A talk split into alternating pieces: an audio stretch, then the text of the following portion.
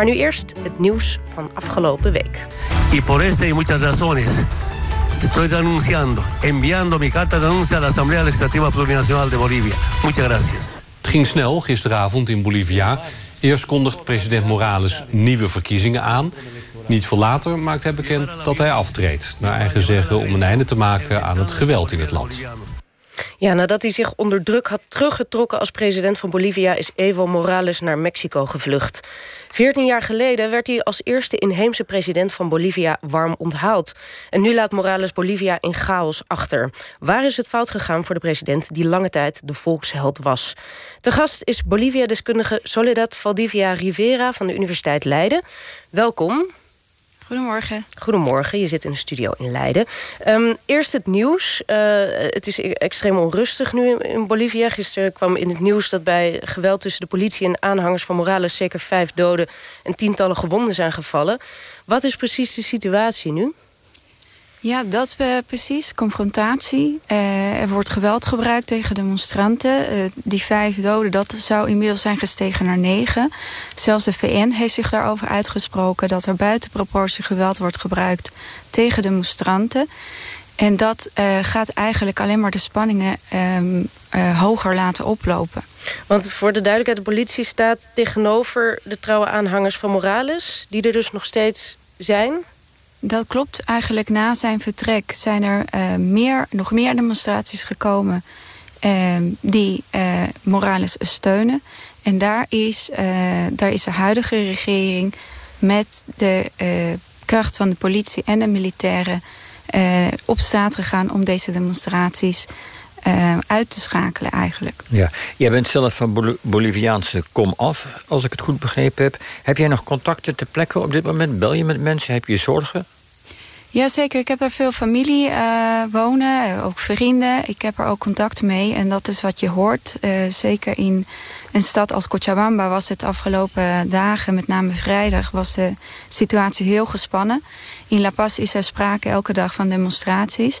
Maar afhankelijk waar je zit, want de, sta de, de stad is een grote, grote stad. Waar je, ja, afhankelijk waar je bent, kan het wel wat rustiger zijn. Maar daar gaan kinderen bijvoorbeeld nog steeds niet naar school. En kom maar uh, alles maar moeizaam op gang. En nu stapt Morales dus onlangs op. Wat, wat gaf voor hem de doorslag om, uh, om te vertrekken? Nou, het is wel uh, zo dat na de verkiezingen uh, er aanhoudende protesten waren. Met name op, uh, door de verdenking van fraude tijdens de verkiezingen. Dat waren grote protesten op straat tegen hem. Die eisen zijn vertrek. Die eisen eigenlijk nieuwe verkiezingen eerst. Maar ja, we kunnen niet ontkennen dat wat doorslaggevend is geweest... is het feit dat de militairen zijn steun uh, hebben opgegeven. En dan is het eigenlijk gewoon verloren? Ja, uh, je, je kunt zeggen, en dat is ook wat Morales zelf heeft gezegd... ja, ik ben eigenlijk onder druk opgestapt... en uh, voor vrees van mijn leven uit het land gevlucht. Ja, maar, maar als ik het goed begrijp... hij is een gekozen president... maar hij wilde nu aan een zoveelste termijn... terwijl dat grondwettelijk niet meer klopt. Ik bedoel, er is met hem toch iets ook niet lekker in orde eigenlijk. Nee, dat klopt. Dat is, uh, in 2016 liet hij zelf een referendum houden om de grondwet te veranderen. Om, toch, uh, om zo op die manier toch af een vierde termijn te kunnen beginnen. Dat uh, was een nee van de bevolking. We willen niet een vierde termijn. En toen heeft dat, hij dat via een uitspraak van de gerechtshof... Um, uiteindelijk wel doorgekregen. Dus dat was zeker iets wat problematisch was. Aan de andere kant, dit was niet de eerste keer dat zoiets gebeurt in de regio... Um, en uiteindelijk zijn er wel de verkiezingen gekomen... waarin de oppositie daar ook aan meedeed. Dus dat was een, een beetje geaccepteerd, maar het was zeker niet goed, nee. Laten we even teruggaan naar 2005, de betere tijden. Toen won hij overtuigend de verkiezingen. Luister maar even. Evo Morales omschrijft zichzelf als Amerika's grootste nachtmerrie. Coca! Yankees! Muchísimas gracias. Ja, wordt toegejuicht en roept tenslotte zelf in een speech... lang leven de coca, weg met de Yankees. Wat, wat bedoelde die daarmee? Ja, Morales' uh, politieke carrière is eigenlijk uh, begonnen in zijn uh, tijd als coca-boer. Um, in de coca-regio van het Chapare. En daar is in het kader van de war on drugs... vanuit de Verenigde Staten is er veel kracht, eigen militaire kracht aanwezig geweest om de coca uit te roeien. Omdat de coca de basisingrediënt is voor het maken van cocaïne. Nou, dat is eigenlijk het manier van overleven van de coca-boeren. Het enige waar ze een, een beetje een bestaan aan kunnen, aan kunnen trekken. Um, dus die hebben grote strijd gevoerd tegen dit beleid... wat gesteund werd door de Verenigde Staten... om de kokken uit te roeien. Daar is Morales groot geworden. Dan denken we bij coca-boeren altijd meteen aan enorme misdadigers... en grote auto's, maar dat is, dat, daar gaat het in dit geval geloof ik niet nee, om. Nee, nee, nee. Er moet echt een groot verschil worden gemaakt... tussen uh, drugsbarons en wat dan ook... en coca-boeren. Dit zijn gewoon arme boerenfamilies, inheemse families... die afhankelijk zijn van de, van de coca-productie, van de coca-teelt. Uh, was het ook de kracht van Morales dat hij eigenlijk de man van de inheemse was? Dat, was dat het vernieuwende? Ja, zeker. Dat is uh, een belangrijk element in zijn uh, politieke carrière. Want, en dat kan ik me ook zelf goed herinneren toen ik daar opgroeide. Ja, inheems, dat was de tuinman, dat was de bediende... dat was de, de, de, de, de schoonmaakster. Maar dat was zeker geen politicus en helemaal geen president. En dit in een land waar ongeveer de helft van de bevolking inheems is. Dus dat betekent dat er zeker sprake was van grote marginalisatie... grote discriminatie tegen inheemse. En in die zin is de komst van een inheemse president... dat werd gezien als een grote overwinning van de inheemse bevolking... en de strijd van de inheemse organisaties. En hoe kon het dat hij aan de macht kwam? Want daarvoor uh, was er een politieke elite die uit een heel andere hoek kwam. Hoe, hoe kon dit uh, gebeuren? Ja, dat is, uh, nou, dat is een heel ingewikkeld proces. Maar in ieder geval wat heel belangrijk was... was de, de strijd van inheemse organisaties. Die werden steeds uh, groter en zichtbaarder. Die gingen zich steeds beter articuleren, politiek. En daarbij um, was er ook sprake van een grote uh, legitimiteitscrisis van de politieke partijen. Politieke partijen die inderdaad met uh, zogenaamde democratische verkiezingen aan de macht kwamen. Maar waar vervolgens uh, weinig gebeurde dat de grootste deel van de bevolking wilde. Dus dat leidde ertoe dat mensen steeds minder in gingen geloven in de politiek. Ook een politiek gekenmerkt door veel corruptie.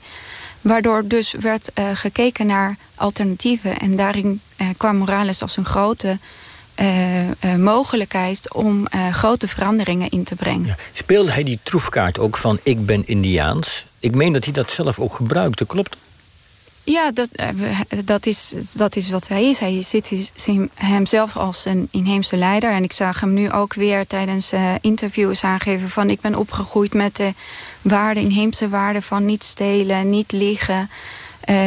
Het buen vivir, no, het goede leven...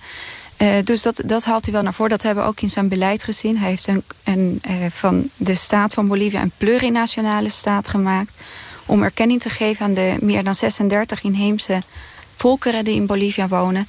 Dus dat is iets wat heel uh, tekenend is geweest voor zijn regering. Ja. En ik geloof dat hij ook zichzelf ook kleden als een gewoon mens. Dagenlang in dezelfde trui rondliep... omdat dat allemaal hoorde bij zijn politieke verkoop van zichzelf... als gewone jonge, inheemse jongen.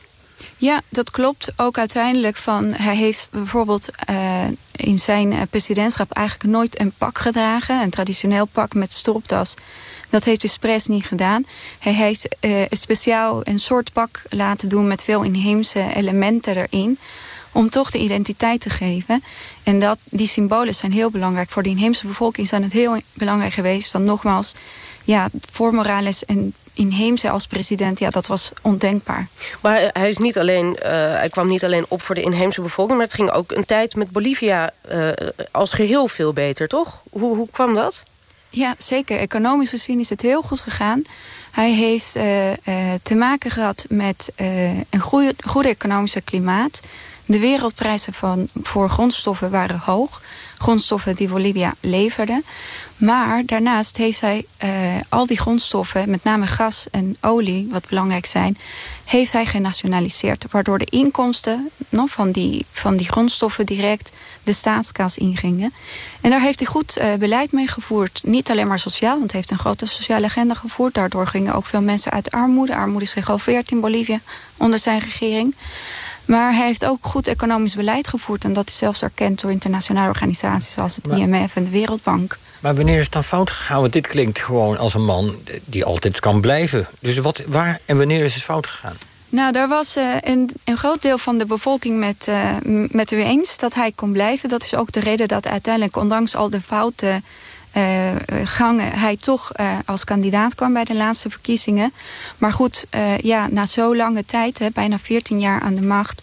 dan is het ja, eigenlijk niet te voorkomen dat er een proces van politieke slijtage plaatsvindt. Dat mensen moe worden van Morales.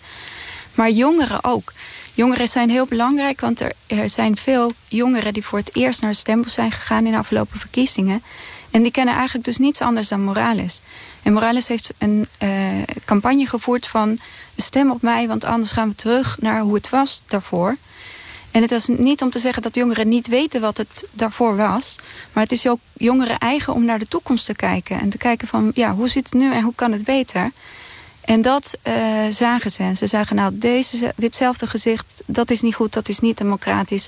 Daar moet verandering in komen. Ja, maar er zijn er, schijnen dus veel jongeren ook van zijn eigen club te zijn... die zeggen, voilà, wat hij gedaan heeft is goed. Hij moet niet terugkomen, maar wel iemand uit zijn groep uh, als vervanger. Um, ja, juist omdat de uh, maatschappij zo gepolariseerd is uh, op dit moment... Is het uiteindelijk, zeker bij de verkiezingen... is het erop uitgekomen van of het een of het andere. Dat maakt het ook moeilijk om een opvolger voor Morales ehm, te vinden. Want men is bang dat als Morales het niet is... dat, het, dat de beweging niet sterk genoeg zal zijn... de eenheid niet groot genoeg zal zijn... om de andere kant te verslaan. Dat is ook de reden waarom er zo uh, is uh, gevraagd dat Morales niet meedoet aan uh, de volgende verkiezingen. En nu heeft net de rechtse senator Janine Agnes Chavez zichzelf uitgeroepen tot interim-president van Bolivia. Um, is zij dan de politicus die het land gaat redden? Dus uit, uit een heel andere hoek komt zij? Ja, dat had ik gehoopt. Maar dat in haar optreden van de afgelopen dagen heb ik dat niet gezien.